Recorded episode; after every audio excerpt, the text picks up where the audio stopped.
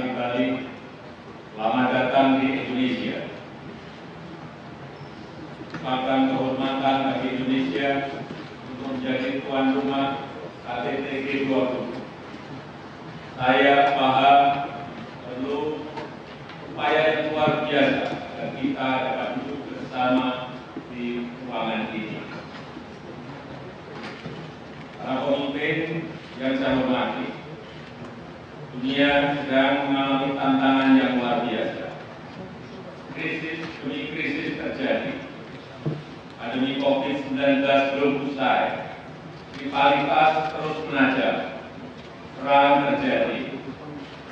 Dan dampak berbagai krisis tersebut terhadap ketahanan pangan, energi, keuangan sangat dirasakan dunia, terutama negara berkembang. Masalah pupuk jangan disepelekan. Jika kita tidak segera mengambil langkah agar ketersediaan pupuk mencukupi dan harga yang terjangkau, maka 2023 akan menjadi tahun yang lebih suram. Tinggi saat ini dapat semakin memburuk menjadi krisis tidak adanya Mister. Don't stay here.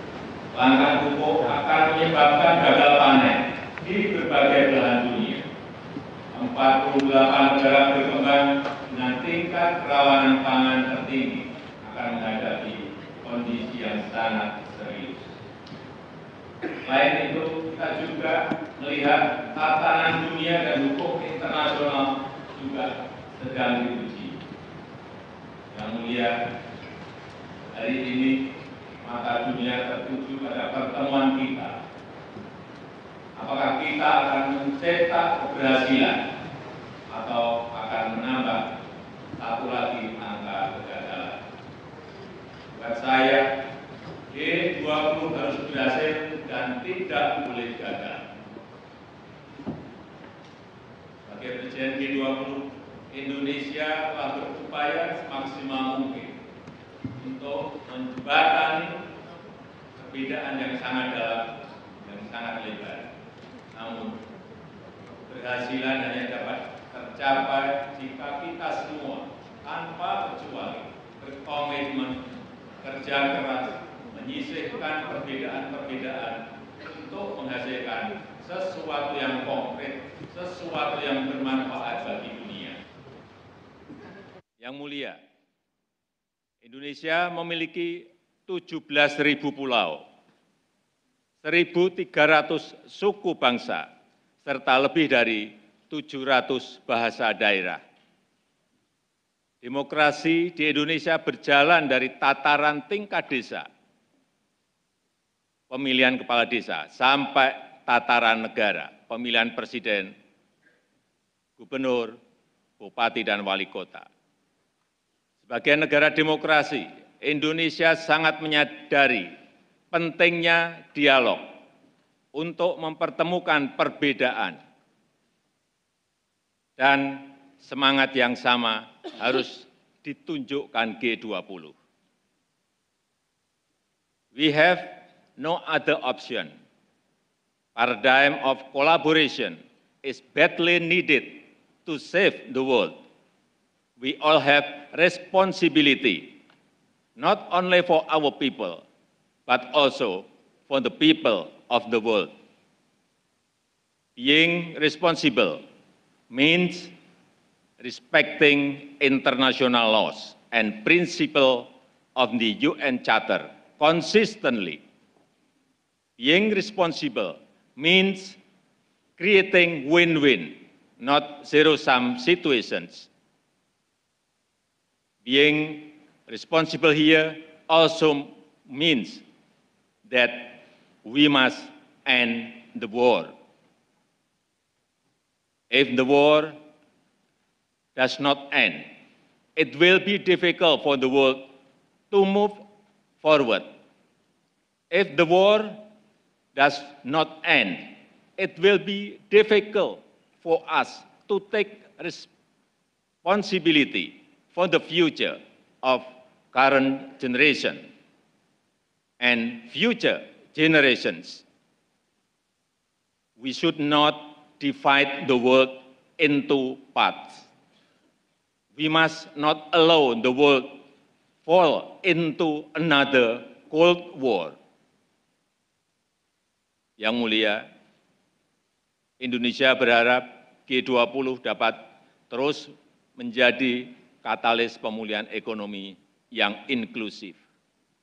Di tengah situasi yang sangat sulit, G20 terus bekerja agar menghasilkan capaian konkret, mempersiapkan dana untuk menghadapi pandemi mendatang melalui pandemic fund, membantu ruang fiskal negara berpendapatan rendah melalui resilience and sustainability trust, mendorong percepatan pencapaian SDGs, menghasilkan ratusan kerjasama konkret, serta mendukung pemulihan ekonomi dunia yang lebih maju dan berkelanjutan melalui Bali Compact mengenai transisi energi. Kita tidak hanya bicara, tapi melakukan langkah-langkah nyata. Akhir kata, mari kita perlihatkan kepada dunia bahwa kita dapat bersikap bijak, memikul tanggung jawab, dan menunjukkan jiwa kepemimpinan. Mari kita bekerja dan mari kita bekerja sama untuk dunia. Recover together, recover stronger. Yang mulia, itulah yang ingin saya sampaikan sebagai pembukaan. Selanjutnya kita akan mulai dengan diskusi tertutup. Oleh karena itu dengan hormat saya mohon awak media untuk meninggalkan ruangan pertemuan. Terima kasih.